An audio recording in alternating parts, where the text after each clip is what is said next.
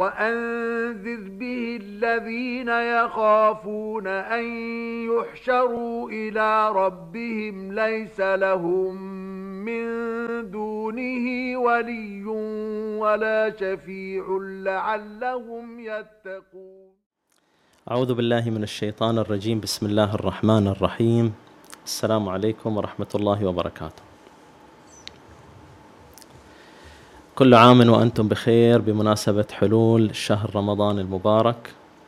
أعاده الله علينا وعليكم باليمن والبركات إن شاء الله.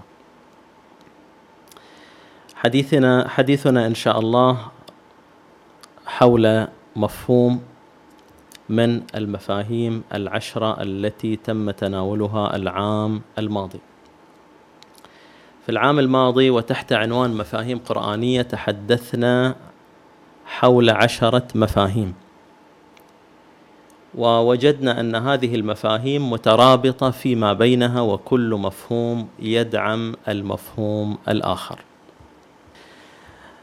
راح يكون تركيزنا في هذا التفصيل على أربع مقاطع في أربع سور. أربع مقاطع رئيسية. في سورة البقرة الصفحة 11 من الآية 75 وحتى الآية 82 هذا المقطع الأول في الصفحتين 11 و 12 في المقطع الثاني راح يكون في الصفحة 97 و 98 من الآية 116 وحتى الآية 126 المقطع الثالث هو في سورة الحج في صفحة 338 من الآية 49 وحتى الآية 54 المقطع الرابع هو في سورة النجم.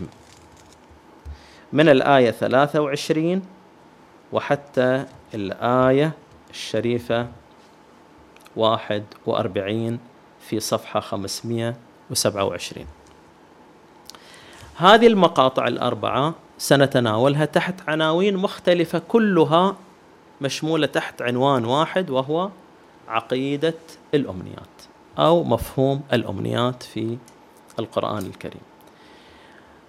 قبل أن نبدأ نحتاج إلى التفريق بين شيئين مهمين وهو عنوان هذه الحلقة كيفية استخدام القرآن الكريم إلى كلمة الأمنيات استخدمت بطريقتين.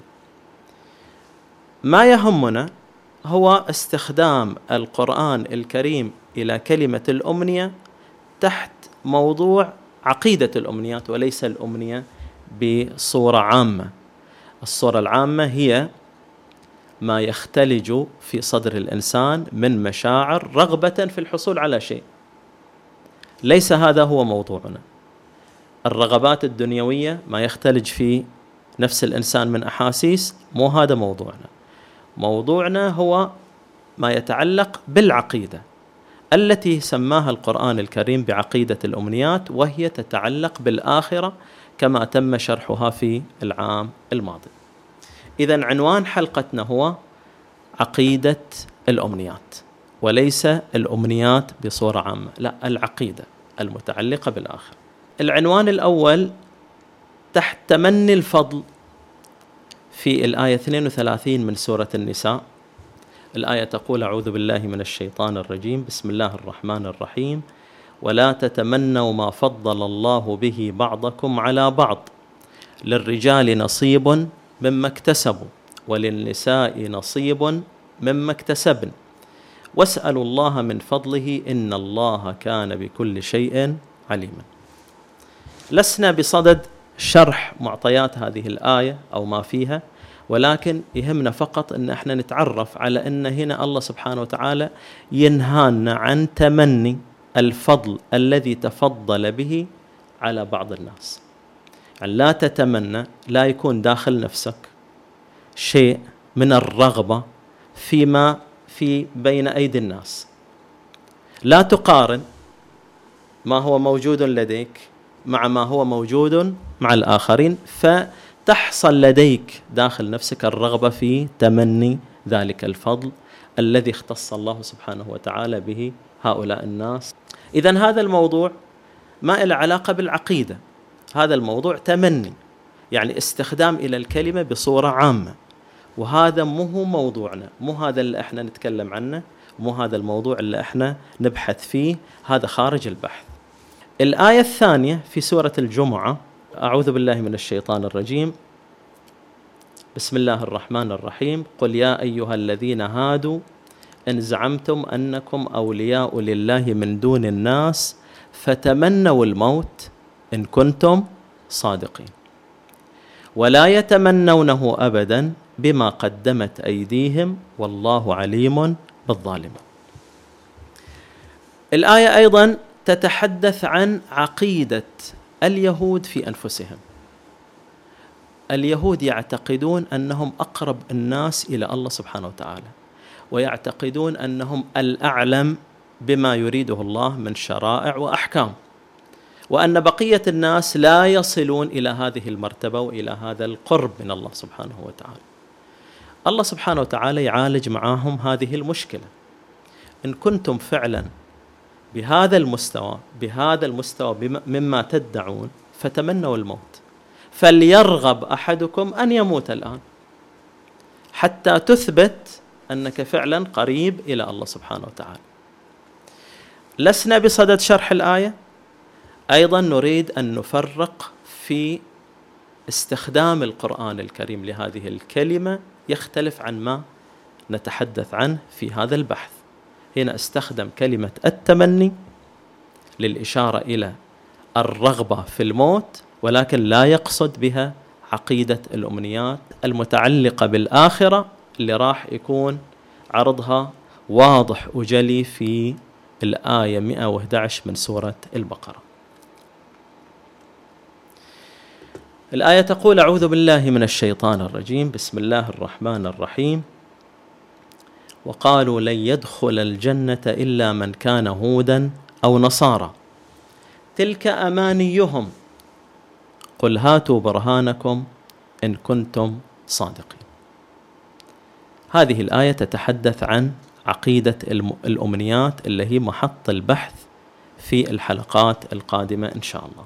عشان نتناول هذه الآية راح ناخذها في ثلاثة أجزاء. الجزء الأول هو وقالوا لن يدخل الجنة إلا من كان هودا أو نصارى. الآية بدأت بكلمة قالوا. كلمة قالوا يعني هو مجرد قول مجرد ادعاء. ما هو هذا الادعاء اللي راح تعرضها الآن الآية؟ لن يدخل الجنة. بدأت أو بدأوا في الإدعاء بالنفي بأنه لن يدخل الجنة إلا من كان هودا أو نصارى. اليهود يقولون بأن الجنة خالصة لهم من دون الناس. وهذا يعني أنها ليست لأحد آخر بما فيهم النصارى. يعني النصارى لن يدخلوا الجنة. وكذلك بالمثل النصارى. يبدأ بالنفي. ما راح أحد يدخل هذه الجنة غيرنا إحنا. على أي مبدأ على أي أساس؟ على أساس أن هذا يكون نصارى أو هذا يكون يهوديا. على مبدأ الانتماء وليس على مبدأ العمل وليس على مبدأ الإيمان اللي الله سبحانه وتعالى فرضه في كتبه السماوية. المقطع الثاني يقول تلك أمانيهم. هذا الذي يتحدثون عنه هو أمنية. هذه التسمية تسمية ربانية يعني مو هم اللي يقولوا إحنا نتمنى الجنة بهذا الشكل. هم يدعون الجنة. ولكن هذا المعتقد الله سبحانه وتعالى يسميه أمنية. لأنهم بنوا هذا القول وبنوا هذا الادعاء بناء على ظنون عندهم وبناء على تقديرات مستقبلية هذه التقديرات لم تستند إلى برهان ولم تستند على دليل. المشكلة أنهم بنوا على هذا الظن، بنوا على هذا التقدير. الله سبحانه وتعالى يقول هذا التقدير هذا الادعاء باطل هذه أمنية لأنها لن تتحقق هذا الكلام لن يتحقق اذا تسمية الأمنية هي تسمية ربانية تسمية من القرآن الكريم. هو يسمي هذه العقيدة بالامنيه طبعا لما نقول أو لما نتحدث عن دخول الجنة ما نتحدث عن أشياء في الدنيا. نتحدث عن شيء غيبي نتحدث عن شيء في الآخرة. ولأن لما نتحدث عن شيء في الآخرة يعني نتحدث عن أشياء غيبية تتعلق بدين الله. ولأنها تتعلق بدين الله نقول عنها عقيدة. ولأن الله سبحانه وتعالى سماها أمنية نقول عقيدة الأمنيات. إذا هذا الكلام اللي إحنا نتحدث فيه بعيد عن الأمنيات العادية اللي استعرضناها في الآيتين السابقتين. الآية تكمل وتقول قل هاتوا برهانكم. تعرضنا أيضا إلى موضوع البرهان سابقا. البرهان هو ما يكون خالصا ومخرجا من الكتاب السماوي. هذا هذه المقولة اللي هم يدعوها ممكن تكون مثبتة في كتب أخرى. ولكن لما الله سبحانه وتعالى يقول هاتوا برهانكم يعني ارجعوا إلى الكتاب السماوي واعطونا دليل قاطع لا يحتمل الخطأ من هذا الكتاب. يثبت هذا الادعاء. إن كنتم صادقين فيما تدعون. إذا لم تأتوا بهذا البرهان فادعاؤكم هذا كذب باطل. اذا هنا حديثنا راح يكون مختص فقط في هذه العقيدة وإحنا لما ندرس هذا الموضوع الهدف منه مو إثراء الحصيلة ومزاحمه المعارف في العقل مزاحمة زيادة المعرفة في مواضيع القرآن. لا إحنا ناخذ هذا الموضوع عشان يدخل كجانب عملي في حياتنا.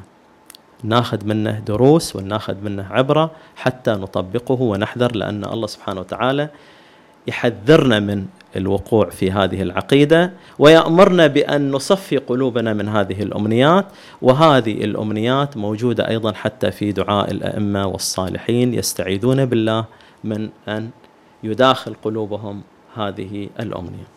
نسأل الله سبحانه وتعالى أن نوفق خلال هذه الأيام المباركة لعرض هذا الموضوع ومن خلال الآيات اللي إحنا ذكرناها التركيز راح يكون على هذه المقاطع الأربعة. نسأل الله سبحانه وتعالى أن يجعلنا ممن يتبعون هذا الكتاب وأن يجنبنا الأماني وأن نكون مع الصالحين يوم نلقاه. نستكمل الحديث في الحلقة القادمة. إلى ذلك الحين نستودعكم الله. والسلام عليكم ورحمة الله وبركاته.